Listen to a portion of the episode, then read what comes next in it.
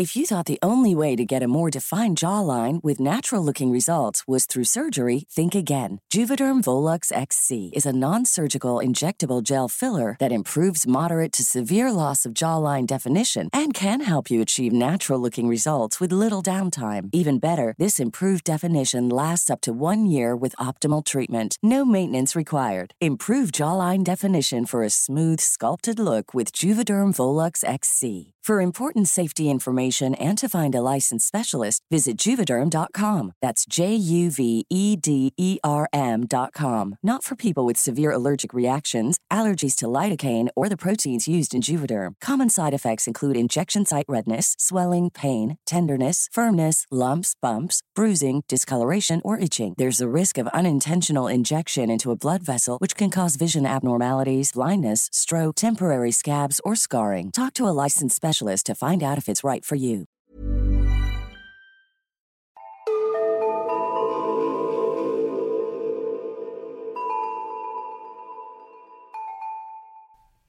Hej och välkomna till Nära ögat, en true crime-podd för mesar. Mitt namn är Alexandra Kentsdottir. Och jag heter Amelia Ingman. Välkomna till avsnitt 78. Tror du att alla hade kunnat göra något olagligt eller ett brott? Nej, det tror jag faktiskt inte. Varför inte? Jag tror att för vissa så är den tröskeln för hög. Att det är för stort kliv att ta. Och jag vet själv när man har pratat om om detta skulle hända mig så hade jag agerat så här. Och sen när man väl hamnar i den situationen så agerar man på ett helt annat sätt. Så även om man kanske tror på att ah, jag skulle klara av detta och detta, jag skulle kunna göra detta och detta, så nej.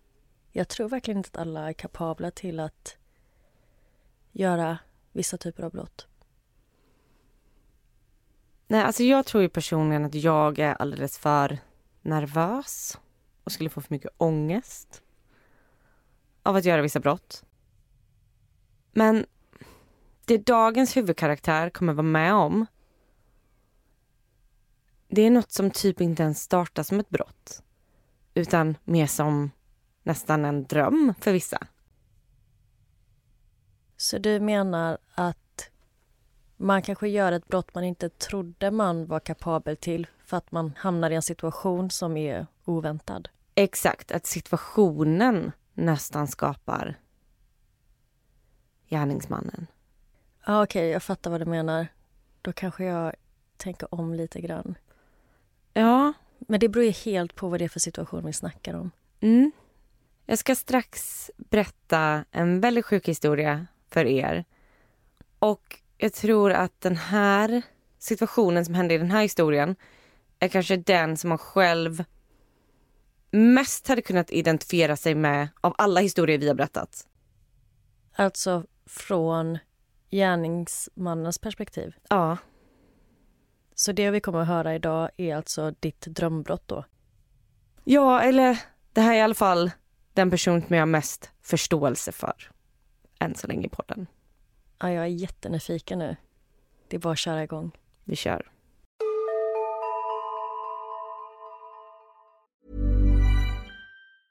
If you thought the only way to get a more defined jawline with natural looking results was through surgery, think again. Juvederm Volux XC is a non surgical injectable gel filler that improves moderate to severe loss of jawline definition and can help you achieve natural looking results with little downtime. Even better, this improved definition lasts up to one year with optimal treatment. No maintenance required. Improve jawline definition for a smooth, sculpted look with Juvederm Volux XC. For important safety information and to find a licensed specialist, visit juvederm.com. That's J U V E D E R M.com. Not for people with severe allergic reactions, allergies to lidocaine, or the proteins used in Juvederm. Common side effects include injection site redness, swelling, pain, tenderness, firmness, lumps, bumps, bruising, discoloration, or itching. There's a risk of unintentional injection into a blood vessel, which can cause vision abnormalities, blindness, stroke, temporary scabs, or scarring. Talk to a licensed specialist specialist to find out if it's right for you. Hey, I'm Ryan Reynolds. Recently, I asked Mint Mobile's legal team if big wireless companies are allowed to raise prices due to inflation.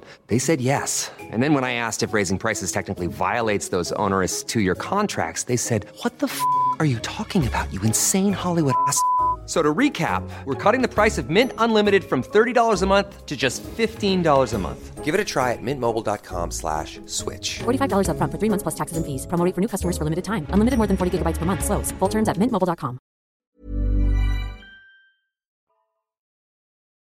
Idag ska jag berätta om Dan Saunders. Och den här historien är som sagt väldigt unik. Och det Dan är med om är något som många personer bara drömmer om. Mina källor är podcasten The Glitch samt ett avsnitt av podcasten Extremes och artiklar från Times Now, The Sun, Unilad och Vice. Dan Saunders föds 1982 och växer upp i en förort till Melbourne i Australien. Han har en ganska normal barndom. Hans föräldrar har inte jättemycket pengar, men det finns alltid mat på bordet. Han spenderar sina dagar med att gå i skola och spela fotboll på gatan med grannungarna. Och hans dröm är att en vacker dag bli fotbollsspelare. Han är inte så bra i skolan och beskriver sig själv som mer street smart än school smart. Och Dan kommer väldigt bra överens med alla och hans största mål i livet är egentligen bara att ha kul på vägen. Hans pappa John jobbar inom tv-branschen och han jobbar bland annat som ett nyhetsankare ett tag. Dan är väldigt influerad av sin pappa och pappans motto har alltid varit Go with the flow. Men en dag när Dan kommer hem från skolan och hans föräldrar fortfarande ska vara på jobbet så kommer några poliser och knackar på. Dan öppnar och polisen ber då om att få komma in. Och de berättar då att pappa John har fått en hjärtinfarkt och dog direkt. Han blev bara 52 år gammal. Familjen flyttar nu till The Sunshine Coast och det var helt annorlunda på den här tiden. Det fanns inga regler och unga och tonåringar bara drev runt och struntade i skolan. De anordnade stora fester i parker där det kunde komma upp till 900 ungdomar som bara samlades och drack sig fulla. Och Dan, som alltid bara ville ha kul i livet, älskade ju att bo här. Men tack och lov så valde familjen att flytta vidare efter ett tag och hamnade i Melbourne. När Dan tar studenten så skaffar han sig lite ströjobb här och var och hamnar sen på ett kasino där han jobbar med att servera mat och stå i baren. Han jobbar ofta långa pass, ofta till midnatt och sen efter det så går han och hans kollegor ut och festar till fem på morgonen. Och på det här jobbet så är det väldigt lätt att bli isolerad från omvärlden. Kasinot är ju som en egen värld där allt finns. Han umgås mer och mer med sina kollegor och de har väldigt roligt tillsammans. De är alla unga och tycker att det är kul att tänja lite på gränserna. Så de passar på att bada i poolen på kasinot och dricker en hel del under arbetstid. Dan får några varningar men lyckas behålla jobbet ändå. Efter några år så träffar han Bell som också jobbar på kasinot. De blir ett par och flyttar ihop. De förlovar sig och efter något år så bestämmer sig Bell för att plugga till lärare. Så det blir att hon flyttar hem till sina föräldrar igen för att gå på skola där. Och för att minska avståndet mellan dem så flyttar Dan till Wangrätta. Där skaffar han jobb på en pub där han tjänar runt 700 dollar i veckan. Nu är Dan 29 år gammal. Och han känner att han sitter fast i livet. Han har jobbat inom bar och restaurang sedan han tog studenten. Och han känner att han står vid ett vägskäl. Ska han gifta sig och skaffa barn med Bell eller vill han göra något annat? Det känns som att han går och väntar på något och han vill att något kul ska hända i livet. 22 februari 2011 är Dan ute och dricker öl med en kompis. Och när det är dags för Dan att betala så har han inte tillräckligt mycket kontanter på sig. Så han går ut runt hörnet och kommer till en Bank of Australia bankomat. Han sätter in sitt kort och kollar hur mycket pengar han har på det. Men det funkar inte. Och sen försöker han se hur mycket pengar han har på sitt sparkonto, men det går inte heller. Han försöker då göra en överföring mellan sparkontot och kortet på 200 dollar. Och när han försöker göra det står det bara åtgärd avbruten och kortet kommer ut igen. Han stoppar åt tillbaka in kortet i automaten och då har han 200 dollar på det kontot. Men det har inte dragits något från sparkontot. Så han tänker att det här är säkert bara någon bugg och att det kommer synas snart. Så han tar pengarna, går tillbaka till baren och fortsätter dricka öl med sin kompis. Efter de druckit fem, sex öl så är det dags för Dan att gå hem. Och han går då förbi bankomaten igen. Och han blir lite nyfiken och går fram till den. Han stoppar i kortet. Försöker överföra 200 dollar från sparkontot till kortet. Åtgärd avbruten. Han stoppar i kortet igen och den här gången har han ytterligare 200 dollar på kontot. Han testar igen, den här gången med 500 dollar. Och det fungerar igen. Och han testar en gång till med 600 dollar. Och det fungerar. Och han vet att han har inte de här summorna på sitt sparkonto. Så han tar ut pengarna och går hem. När han vaknar dagen efter så tror han att han drömt det. Men så öppnar han plånboken och pengarna ligger där. Han tänker att banken kommer snart få reda på det och att han övertrasserat sina konton. Men Dan tänker att det är ett senare problem och att han nu kan njuta lite. Så han passar på att köpa en ny frys och sen så går han ut och käkar en riktigt god middag. Han går tillbaka till samma bankomat och försöker göra om det igen. Men det fungerar inte. Men då tänker han att det kanske hade med tiden att göra. För han var ju där på natten. Så den natten går han dit igen, gör samma sak igen. En överföring från sparkonto till kreditkort. Åtgärd avbruten. Kortet kom ut, han sätter i det igen. Och det fungerar. Det är helt sjukt. Vad smart av honom att gå tillbaka på natten. Det hade jag inte tänkt på själv. Nej. Han har ju nu då hittat en bugg i systemet. Mellan ett och tre på natten så är bankomaten inte uppkopplad mot huvudsystemet.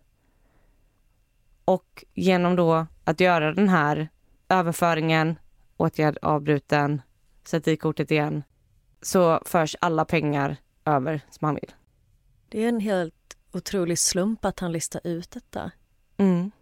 Ska vi testa det i natt eller? Vi går direkt efter inspelningen här och Ja. kollar.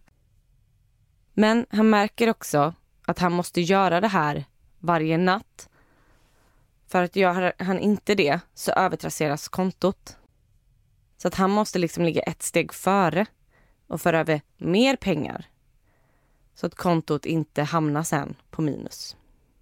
Till en början så går han varje natt, för över några hundra dollar varje gång och sen så lever han live. Men nu hängde jag inte riktigt med i... Kan du förklara vad du menar med det här med att han måste göra det igen för att inte hamna back? Men det är som att systemet återställs och sätts på hans alltså, ursprungliga saldo om inte han fortsätter varje natt och gör det här. Så det är liksom någon konstig loop han har hamnat i. Så låt säga att han tar ut 500 dollar Mm, på 500 dollar en natt. mm. Måste han då göra om samma summa nästa natt eller vad är det han... Han behöver bara göra en överföring. Jag tror att han bara behöver göra en överföring för att det ska funka. Om man inte gör det så kommer liksom hans ursprungliga saldo. Och då är det då från dygnet innan. Nej, från början. Från början? Mm. Okej. Det är också otroligt att han listar ut det. Ja, och jag tror att det, det här kanske tar någon dag innan han liksom fattar. Jag hittar inte jättemycket information kring det. Men han liksom testar sig fram och inser nu att han måste ju föra över pengar varje natt för att inte banken ska upptäcka felet. Okej, då tror jag att jag hänger med. Så så länge det är en ny summa för banken att hantera så kommer den alltid vara den senaste. Mm. Och om den inte har en ny summa att hantera då kan den komma i kapp och ge han korrekt saldo. Ja, exakt. Okej. Det är lite krångligt men han måste i alla fall gå till bankomaten varje natt och föra över pengar. Alltså skulle han sluta en dag så kommer det gå tillbaka till vad han hade innan han började med den här loopen. Okej, så då kommer en till fråga. Kommer alla de här utgifterna samlas på hög då eller blir det bara hans ursprungssumma? För då är det ju inte så farligt. Nej, alla de här utgifterna kommer hamna på hög. Alltså han kommer bli skyldig det han tar ut. Till en början så tar han ut några hundra dollar varje gång. Efter några nätter har det blivit en hel del pengar. Och han tänker ju att han kommer behöva betala tillbaka de här förr eller senare.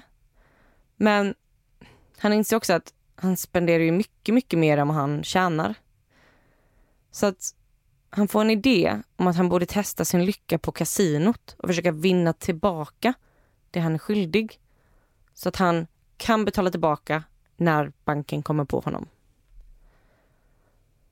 Men som de flesta kanske förstår så är inte det här en jättebra idé. Han misslyckas och förlorar nu ännu mer pengar. Och det dröjer inte så länge innan han inser att det kommer bli svårt att betala tillbaka alla pengar han tagit ut. Och han är helt säker på att banken kommer inse vad det är som pågår vilken dag som helst och ringa och kräva honom på pengar. Men tills dess tänker han att jag kan nog fortsätta ha lite kul så länge. Dagarna går och banken ringer inte. Och han fortsätter varje natt och tar ut pengar. Och han upptäcker då att det här fungerar på alla Bank of Australia bankomater mellan 1 och 3 på natten. Dan känner sig mäktig. Som om han har hittat en glitch i systemet. Den lilla människan lurar det stora bankväsendet. Och under den här tiden så berättar han inte det här för någon. Men han börjar festa allt mer och bjuder sina kompisar på allt. Och när någon undrar hur han har råd så säger han bara att han har vunnit lite pengar. Han festar nu varje dag och spenderar mer och mer. Men det enda han verkligen ser till att göra det är att gå till bankomaten varje natt mellan ett och tre och göra en överföring. Och det tar inte så lång tid innan han slutar sköta sitt jobb och får då sparken. Och han bor ju i en väldigt liten stad så information sprids fort. Och det dröjer inte heller länge innan hans fästmö Bell får höra om hans förändrade beteende och det faktum att han har fått sparken. Och hon har fått nog. Så hon gör slut med honom över sms. Och det är ungefär nu som Dan tänker fuck it. Jag kan lika väl köra på ordentligt innan jag blir tagen.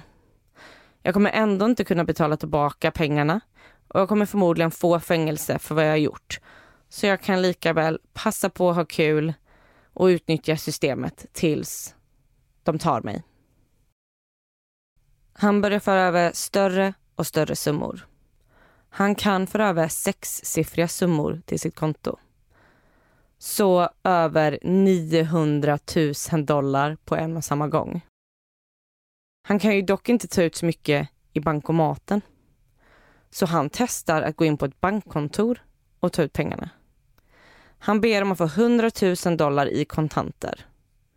Och de som jobbar på banken kikar på hans konto, ser att han har mycket mer pengar än 100 000 och därför är det inga problem att få ut dem.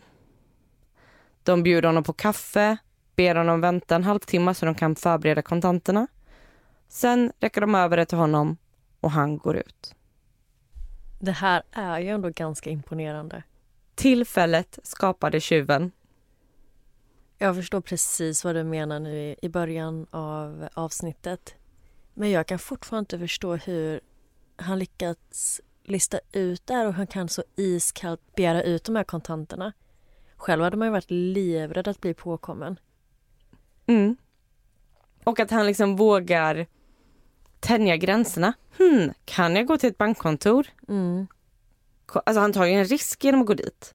Men det känns också som att den här fuck it mentaliteten gör att han vågar. I och med att han tänker att ah, jag kommer ändå åka fast, jag kommer ändå få fängelsestraff. Mm. Att det liksom kanske tar bort den här oron.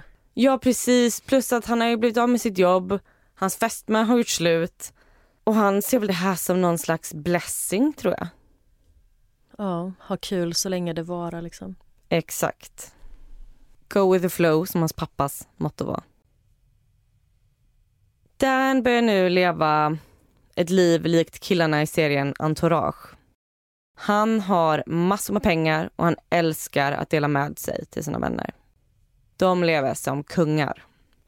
De checkar in på de dyraste femstjärniga hotellen i stan, bokar massa sviter bredvid varandra så de kan öppna emellan och där bjuder de in alla möjliga människor de träffar och festar svinhårt varje dag. De börjar åka limousin överallt, äter bara på de bästa restaurangerna, handlar i de dyraste butikerna och ibland så ringer ju banken för att kolla så att allting stämmer. Handlade du på, precis för 15 000 dollar på Louis Vuitton? Ja, det var jag. Okej, tack, bra, då vet vi. Och så lägger de på. Så Dan har kontinuerlig kontakt med banken under den här perioden. Tänk att leva så här under en vecka. Eller bara en dag. Mm. Helt gränslöst. Mm. Och efter ett tag så inser Dan att han inte behöver göra de här överföringarna på helger då banken är stängd. Och då inser han att han kan ju då passa på att lämna Australien över helgen och åka bort. Så en helg så hyr han en privatjet till någon paradisö nära Bali. Och de är ett stort gäng som åker dit på världens fest med alkohol och droger och alla är nakna hela helgen. Och när han är där så tänker han så här, alltså det här är ju så långt ifrån hans vanliga liv som bartender där han brukar tjäna runt 20 dollar i timmen. Alltså, jag kan typ inte greppa detta. Men hur betalar man allt med kontanter? Är det bara här i Sverige som vi är så vana vid att det är alltid kontantlöst typ? Men hur fasen betalar man en privatjet med cash? Men han sa att folk uppskattade ju kontanterna. Jag gissar på att folk då kan ta det svart. Ja, såklart. För jag förstår liksom att betala restaurangnotor, alkohol, butiker, visst. Men det måste ju vara så sjukt mycket pengar att hyra en privatjet. Jag tror han sa att det kostade 900 000 dollar. Ja, det är helt sjukt. Och jag är lite osäker på om man betalade allt med kontanter eller om man kunde använda sitt kort ibland. Men han betalade det mesta med kontanter och han uttryckte det lite som att så här, rika personer älskar kontanter. Just det, för du sa ju innan att han kunde plocka ut pengar från kontot så då hade han ju ändå pengar tillgängligt via sitt bankkort med. Mm, jag tror det. Och Dan älskar ju som sagt att dela med sig till andra. Han känner sig lite som Robin Hood när han gör det. Och folk kommer till honom och ber om pengar för både det ena och det andra. Och någon gång som var de ett stort gäng som gick förbi någon flådig bröllopsbutik och då berättade en tjej att hon ska gifta sig och att hennes drömklänning finns i den butiken men att hon aldrig skulle ha råd med den. Och Dan säger bara, men det är klart du ska ha din drömklänning. Och så går de in i butiken och köper den. En annan tjej pratar med Dan om att hennes dröm i livet är att flytta till Frankrike och vara au pair och plugga franska. Och Dan säger då att fixa en familj som du kan bo hos så löser jag resten åt dig. Och några dagar senare så ringer hon och säger att hon har fixat en au pair-familj. Och Dan köper allt hon behöver för sin resa. Han köper biljetter, kläder, fixar boende, betalar skolan och sen så flyger han dit med henne, ser Paris och åker hem. Dan dricksar också alla. Varje gång han åker taxi så brukar han alltid bara ge taxichauffören 300 dollar även om resan kanske kostade 5-10 dollar. Han dricksar generöst i barer och till alla som arbetar med eller åt honom. Och ibland så kommer det folk som vill ha pengar till droger och han har inga problem med det. Men det han har problem med det är när folk ljuger om hur mycket det ska kosta och ber om en högre summa än vad de egentligen behöver. Men han säger aldrig nej. Han säger alltid bara fine och ger dem pengarna och sen så ringer han vakterna och säger att de inte är välkomna upp på festen längre. Och han och hans kompisar kunde då spendera väldigt mycket pengar och de spenderade mycket pengar på strippor. Och de brukade ibland ta med sig ett gäng av de här stripporna till någon dyr butik och säga att ni får köpa exakt vad ni vill. Och de kände sig även inspirerade av filmen Pretty Woman och köpte eskorter. Men Dan säger att det inte var något för honom. Och nu så hänger ju han och hans kompisar på ställen som de aldrig ens hade kunnat drömma om tidigare. Och de har som vana nu att varje gång de går in på ett fint exklusivt ställe så kollar de runt i rummet och kikar på vem som verkar vara rikast eller har mest status. För att sen köpa in flera flaskor av ställets finaste champagne och skicka till deras bord. Och på så sätt så hävdade de sig väldigt mycket i rummet och visar att vi hör minsann hemma här. Och från att ha spenderat måttfullt till att ett tag spendera runt 40 000 dollar om dagen så hamnade Dan i situationer där folk försökte stjäla från honom eller överfalla honom. Och detta gjorde att han skaffade livvakter.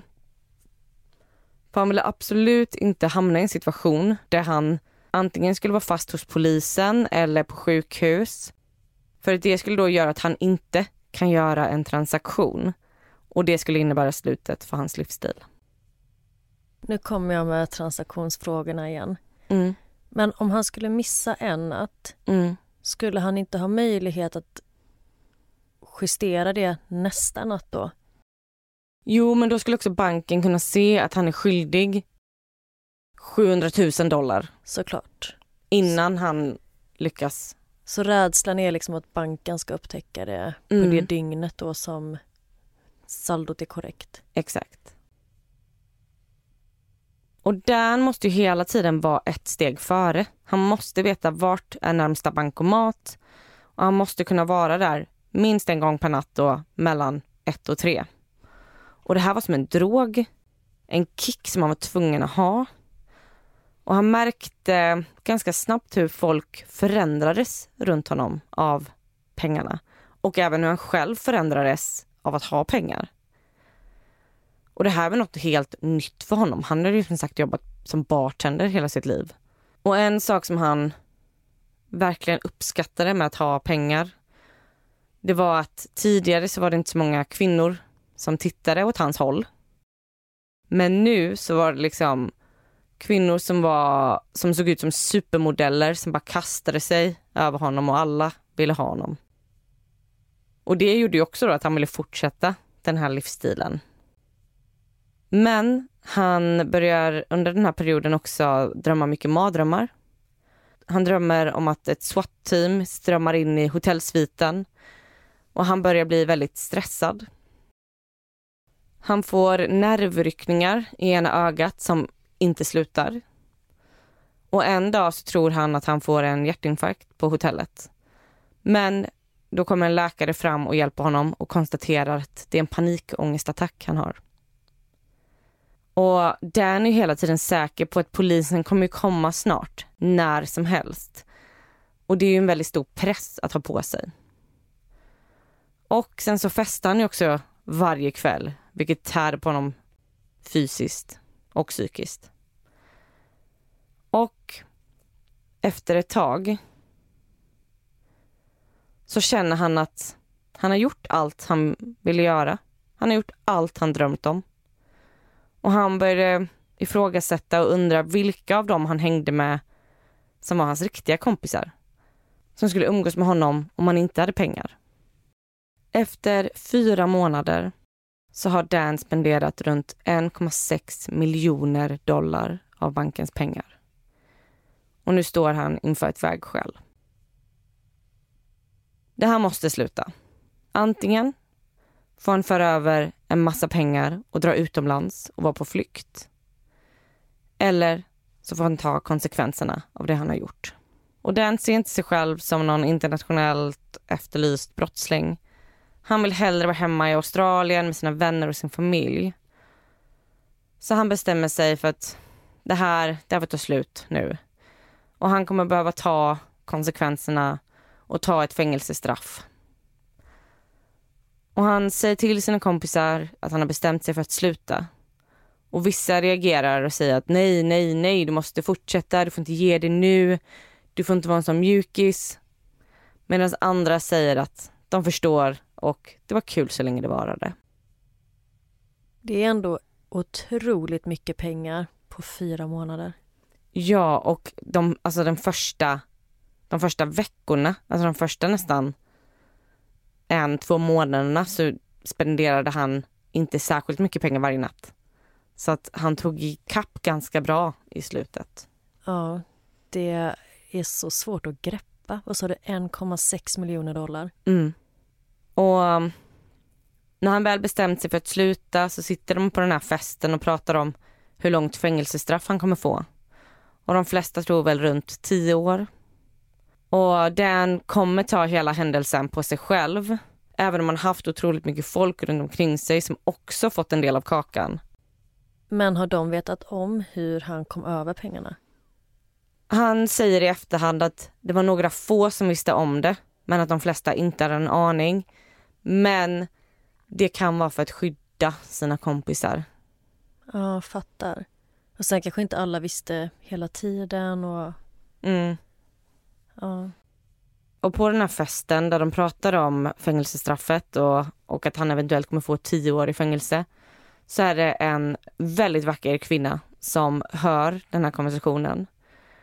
Och Dan berättar hur hon slänger sig över honom och säger om och om igen att det här kan du tänka på när du sitter i fängelse. Och sen så gör hon någonting sexuellt med honom som jag inte riktigt vet vad. Och Dan beskriver den här kvinnan som en 12-poängare av 10. Och på den här festen så öppnar han också upp sin internetbank på en dator och ger laptopen till sina kompisar och säger här, för över hur mycket ni vill till er själva och skicka runt datorn. Och så säger han att jag vill inte veta eller se vad det är ni gör. Fan vad sjukt. Så han, han säger än idag att han har ingen aning om om folk för över eller hur mycket det var. Han är verkligen go with the flow. Det känns som att han har noll konsekvenstänk. Eller att han har det men han bara bryr sig inte. Men han har ju, han har ju bestämt sig för att bara acceptera konsekvenserna. Så han sa, ja, kan likväl maxa. Gud, det är så svårt. Ja, sjukt. Ja, ja, verkligen. Och när natten kommer så, så tänker den att han fortfarande kan ångra sig. Han kan ju gå och göra den här transaktionen. Men han gör det inte. Och han vet nu att banken när som helst kommer upptäcka att hans konto är övertrasserat. Och det kommer inte dröja länge innan han råkar i fängelse. Och någon dag senare så får han ett samtal från banken som säger att hans kort är övertrasserat med hundratusentals dollar. Och han frågar då banken vad, vad har jag för kreditgräns på kortet? Och de svarar 2000 dollar. Och han frågar då, men hur får ni ihop det då? Och det kan de inte svara på. Under den här tiden så har Dan ungefär 80 000 i kontanter och han har lite pengar som han fört över till ett annat konto. Han vet ju som sagt att polisen kommer komma när som helst. De kommer förmodligen skicka ett SWAT-team eller liknande och han vill inte utsätta sin familj eller sina kompisar för något sånt här. Så han väljer att checka in själv på ett hotell. Och där lägger han kontanterna i badkaret och bara väntar. Och han vill ju som sagt inte att vännerna ska bli inblandade i det här polisärendet. Så han isolerar sig ganska mycket. Men vissa kompisar kommer ändå över och hänger med honom på hotellet ibland. Och dagarna går och ingen polis kommer. Och efter ungefär en månad så bestämmer han sig för att nej men nu måste jag ta tag i det här själv. Så då ringer han banken Och han eh, säger att det har varit några konstiga transaktioner på hans konto och han ber om att bli kopplad till någon ansvarig. Och så tar det ett tag och han blir vidarekopplad och vidarekopplad. och till slut får han kontakt med någon Bernie på Bank of Australia. Och det första Bernie säger är att vi vet vad du håller på med, vi kommer inte ge dig några mer pengar och det här är ett polisärende nu. Och Dan vet typ inte ens vad han ska säga, han säger sorry. Och Bernie fortsätter att mala på och säger att han kommer få fängelse, han har förstört sitt liv. Medan Dan lite tycker att det är Bernie som valt att jobba på en bank i 40 år som har förstört sitt liv. Han gillar alltså inte banker. Så Dan väntar nu igen. Snart borde polisen komma. Men månaderna går. Och efter tre månader av väntande så bestämmer han sig för att skaffa ett jobb så länge. Han ringer även en advokat och frågar vad han borde göra. Och advokaten säger bara, var tyst och vänta på att polisen kontaktar dig. Det går två år och han har inte blivit kontaktad av någon. Varken polis eller banken.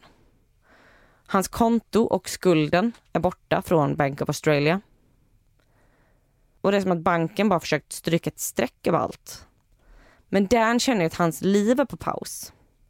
Han väntar ju bara på att få sitt straff. Och han vågar liksom inte fortsätta med livet. Han vill ju inte träffa någon och bli kär och skaffa barn för att sen hamna i fängelse i tio år. Och han bestämmer sig att något måste hända nu, så han kontaktar media. Och efter några mindre intervjuer så går han till A Current Affair, vilket är ett intervjuprogram på bästa sändningstid. De gör en intervju med honom och allt känns bra. Men när det här sänds så säger de i slutet att Dan är efterlyst och fortfarande på fri fot. Och om någon har sett honom så ring det här numret. Och han förstår ingenting för han har haft kontakt med de som har gjort det här programmet och de har mejlat jättemycket fram och tillbaka efteråt. Och alltså de har ju inte sagt något annat än så här, tack för en bra intervju, det här kommer bli jättebra, se till om något känns konstigt. Och absolut ingenting om att han skulle vara efterlyst. Och några dagar senare blir han arresterad. Och såklart så har A Current Affair sina tv-kameror där och fångar allt på bild. Under rättegången 2014 så blir han åtalad för stöld och bedrägeri. De menar att han stal 80 000 dollar från Bank of Australia och att han sen hade två olika skulder på 146 000 dollar och 21 000 dollar. Och Dan beskriver rättegången som en Monty Python-sketch.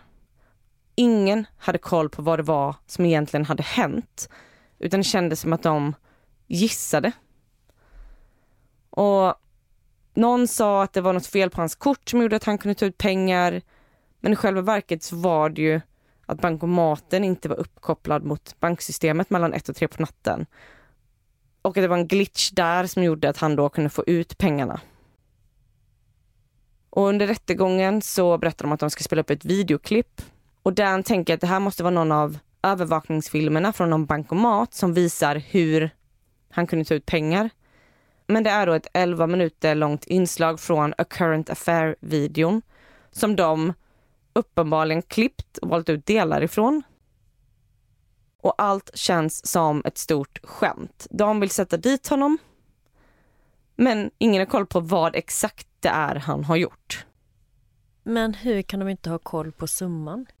Det verkar som att banken inte riktigt gått ut med det. Undrar varför de inte grep honom tidigare. Och undra om banken försökte tysta ner detta för att inte någon annan skulle få reda på att man kan göra så här. Nej, men så anledningen till varför det tog så lång tid innan han blev gripen är ju för att det aldrig fanns ett polisärende. Men hade inte banken polisanmält honom? Nej, Inte ens den... eh, inte Bernie. Det fanns inget polisärende på honom förrän A Current Affair. Men skulle han tekniskt sett inte kunnat kolla upp det innan han ställde upp på intervjun?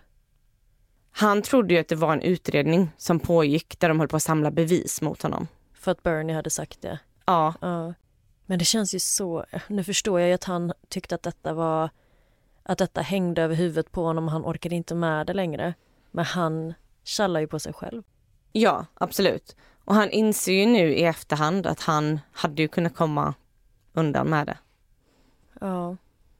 Ångrar han att han ställde upp på intervjun? Han ångrar att han ställde upp på intervjun i och med att A Current Affair lurade honom. Mm. De polisanmälde honom. De sa att han var efterlyst fast han inte var det från början. Det var ju de som anmälde honom och gjorde honom efterlyst. Och sen så såg de till att filma gripandet, passande nog. Aha, så det var de som hade gjort anmälan? Mm. Ja, det var ju jättebra tv för dem. Absolut. Och alltså, allting pekar ju på att banken ville stryka ett streck av det här. Det här var ju pinsamt för dem. Jag tror att de ganska fort fixade till glitchen, eller det här systemfelet som fanns. Men det här var ju en stor, stor, stor skam och folk skulle förlora allt förtroende för banken om det här kom ut och därför valde de att bara så här, vi har inget stort ärende av det här, vi lägger locket på, medan Dan inte visste det. Ja, den där Bernie klantar ju verkligen till det där då genom att säga så till Dan. Med att Mm. eh, de hade anmält honom och bla bla bla. Mm. Dan riskerade ungefär 10 års fängelse, men han fick ett år och 18 månaders samhällstjänst utöver det. Och han ska också betala tillbaka 248 000 dollar till Bank of Australia. Och som vi precis pratade om så inser han ju idag att han hade kunnat komma undan med det här helt och hållet. Det fanns inget polisiärt ärende innan A Current Affair anmälde honom. Men i slutändan så tycker han ändå att allt blev för det bästa. Och fängelset blev ett sätt för honom att få en nystart i livet. Och han tyckte också att det var ganska intressant att vara i fängelse. Han fick se och höra folks berättelser och ta del av en del av samhället som han aldrig skulle ha sett annars. Och han fick en helt annan förståelse för folk. Han förstod nu att man föds inte ond, utan att många gånger så är det de tidiga åren i ens liv som skapar de här förutsättningarna och att man är en produkt av det samhälle man växer upp i. Dans berättelse håller just nu på att bli en film. Och jag tror inte att de har börjat spela in än, men hela historien är såld till ett produktionsbolag. Och det är på G. Dan känner idag att han är mycket lugnare än tidigare. Han har hittat en inre frid och han vet vilka hans vänner är. Det var ju väldigt många som försvann efter att han förlorade pengarna och hamnade i fängelse. Men nu ser han klart och tydligt vilka hans riktiga vänner är. Och ibland så kan han sakna vissa delar av det här livet. Men det är främst små glimtar av det. Och det var ju trots allt han själv som valde att sluta. Och han inser ju att pengar inte gör en lyckligare. Och att pengar ofta förändrar folk till det sämre. Och det var historien om Dan Saunders.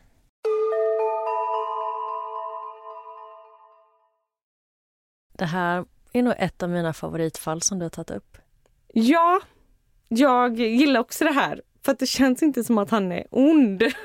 Nej, och jag har aldrig hört om detta för och det känns nästan overkligt vilket flyt han hade. Men jag tänker också på det nu när han säljer rättigheterna till filmen och om den går bra, då kanske det täcker hans skulder till banken. Ja, för än så länge har han inte kunnat betala tillbaka en krona av de skulderna. För han jobbar typ som bartender. Mm, det kanske kommer igen möjligheten att börja om på noll då. Mm. Men jag har ju också tänkt lite, alltså om man ska vara så här kritisk. Och jag började tänka på din historia som du drog för några veckor sedan. Om eh, Catch Me If You Can killen. Mm. Jag så här, kan man lita på allting som händer här? Men vissa eh, stora delar ska ju finnas dokumenterat. Men det är också samma i den Catch Me If You Can berättelsen. För där menar ju Frank Abagnale Jr att det här har skett och jag har blåst eh, Pan Am på 2,5 miljoner dollar. Men de vill inte erkänna det. För Exakt. De vill inte få ett dåligt rykte och det är pinsamt att de har lyckats bli blåsta. Och det tänkte jag också på när du pratade om att uh, The Bank of Australia ville tysta ner allting. Så det finns ju alltid två sidor till varje historia. Och man får ju vara källkritisk och typ utvärdera vad man själv tror är mest rimligt. Ja, alltså det är klart det finns ju alltid en risk för att saker inte är sant. Eh, men jag tror att under rättegången så lämnade ändå Bank of Australia ut transaktioner men inte mycket mer än så. Okej. Okay.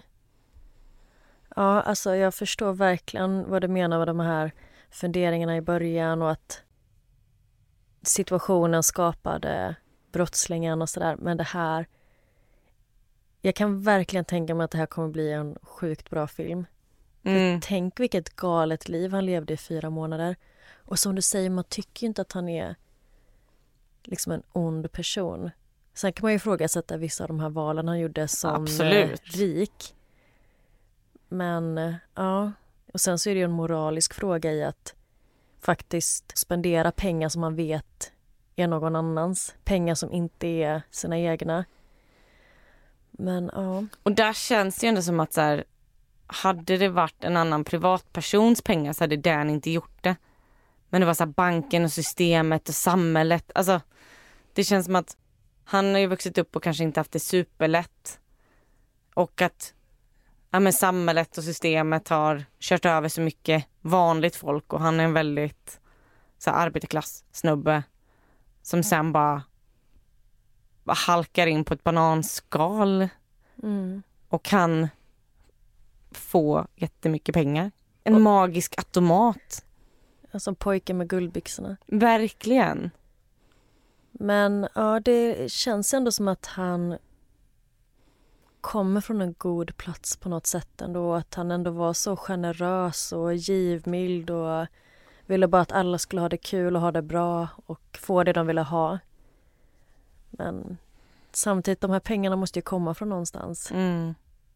Han berättade att vissa av hans ja, men nära och bekanta frågade om pengar för att starta företag och sådär. Och han bara gav ju folk pengar till höger och vänster.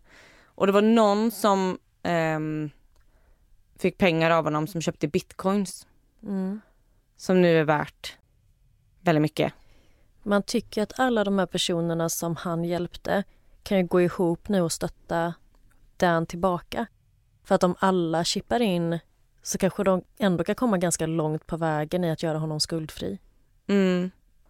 Men jag vet knappt om han vill betala tillbaka sin skuld. Alltså det känns lite som att han är så här, ja, så länge jag inte har något så kan de inte få något. Fatta. Men att jag tror att han fortfarande lever ett ganska bra liv. Men han kommer ju aldrig kunna äga något då. Nej, exakt. Ingen bil, inget hem, ingenting. Nej. Men som jag förstod det så har han nog det ganska bra, men bara att det inte står på honom kanske. Okej. Okay. Typ bitcoin-killen hade sagt så här, behöver en bil så fixar vi det. Typ. Ah, så att han har ändå vänner som ah. ger tillbaka och ställer upp? Ja, han har kvar vissa. Absolut. Och sen så var det ju lite spännande för han hamnade ju i det här högsäkerhetsfängelset tillsammans med, ja, med folk som gjort hemska saker. Och det var ju väldigt läskigt till en början. Men så hade han gett så här, en sig till rätt person. Och då hade han fått lite skydd av den här killen. Och sen så när folk började förstå vad det var han satt inne för, att han har liksom lurat storbankerna, då var det många som gillade honom. Ja, det kan jag tänka mig. Många som inte gillar systemet, som sitter i fängelse, som tycker att här, han gjorde rätt, som mm. lurar systemet. Mm. Och idag har han även slutat dricka alkohol helt och hållet. Vilket man kanske också förstår efter att ha krökat stenhårt i fyra månader och tydligen bara mådde sämre av det. Eller efter ett tag i alla fall. Ja. Men jag undrar också hur han mådde de här två åren där han bara gick och vänta och vänta och vänta på att bli gripen. Men jag tror att det var ganska psykiskt påfrestande för honom. Eh, och att han kände väl lite som att här, jag åker hellre i fängelse och bara får det gjort än att vänta. Ja, för som du sa, hela hans liv var ju satt på paus. Mm. Han var ju jätterädd för att så här, tänk om jag blir kär och liksom vi ska få familj med någon och sen kommer jag hamna i fängelse om några år. För han visste ju inte så här, de kanske bygger ett fall, alltså man vet ju att det tar ju lång tid Mm. att hitta alla bevis och sådär. Precis, att man blir först gripen när, när man vet att ett åtal kan väckas. Men tänk dig vilken lättnad det måste varit för honom när han bara fick ett år eller vad du nu sa. Ja, alltså det här vart ju nästan det bästa möjliga slutet för honom. För att så här, han slapp gå runt och oroa sig hela livet över att så här, när kommer de? Och han fick ett år och han kan ändå så här, se det från den positiva sidan. Han lärde sig något i fängelse. Ja, och han är ju fortfarande ung när han kommer ut. Mm. Ja, det här var verkligen ett så spännande fall. Jag är jättetaggad på att se filmen. Ja, jag med. Och jag vill jättegärna veta vad ni tycker om det här fallet och om, om ni hade kunnat hamna i den här situationen eller, eller vad man tycker, vad är liksom Vad är rätt och vad är fel? exakt. Ah, Det kanske vi kan vara ganska eniga om allihop, men hade ni kunnat göra som Dan gjorde? Ja, nej men det är en väldigt spännande dis- diskussion. In och kommentera på Instagram och Facebook där vi heter Nära ögat podd. Och där kommer vi såklart också lägga upp bilder från det här fallet. Ja, det kommer vi. Och in och kommentera. Och så hörs vi igen nästa vecka. Vi hörs då. Hej då! Ha det fint! Gud, det här var så spännande! kul! I loved it!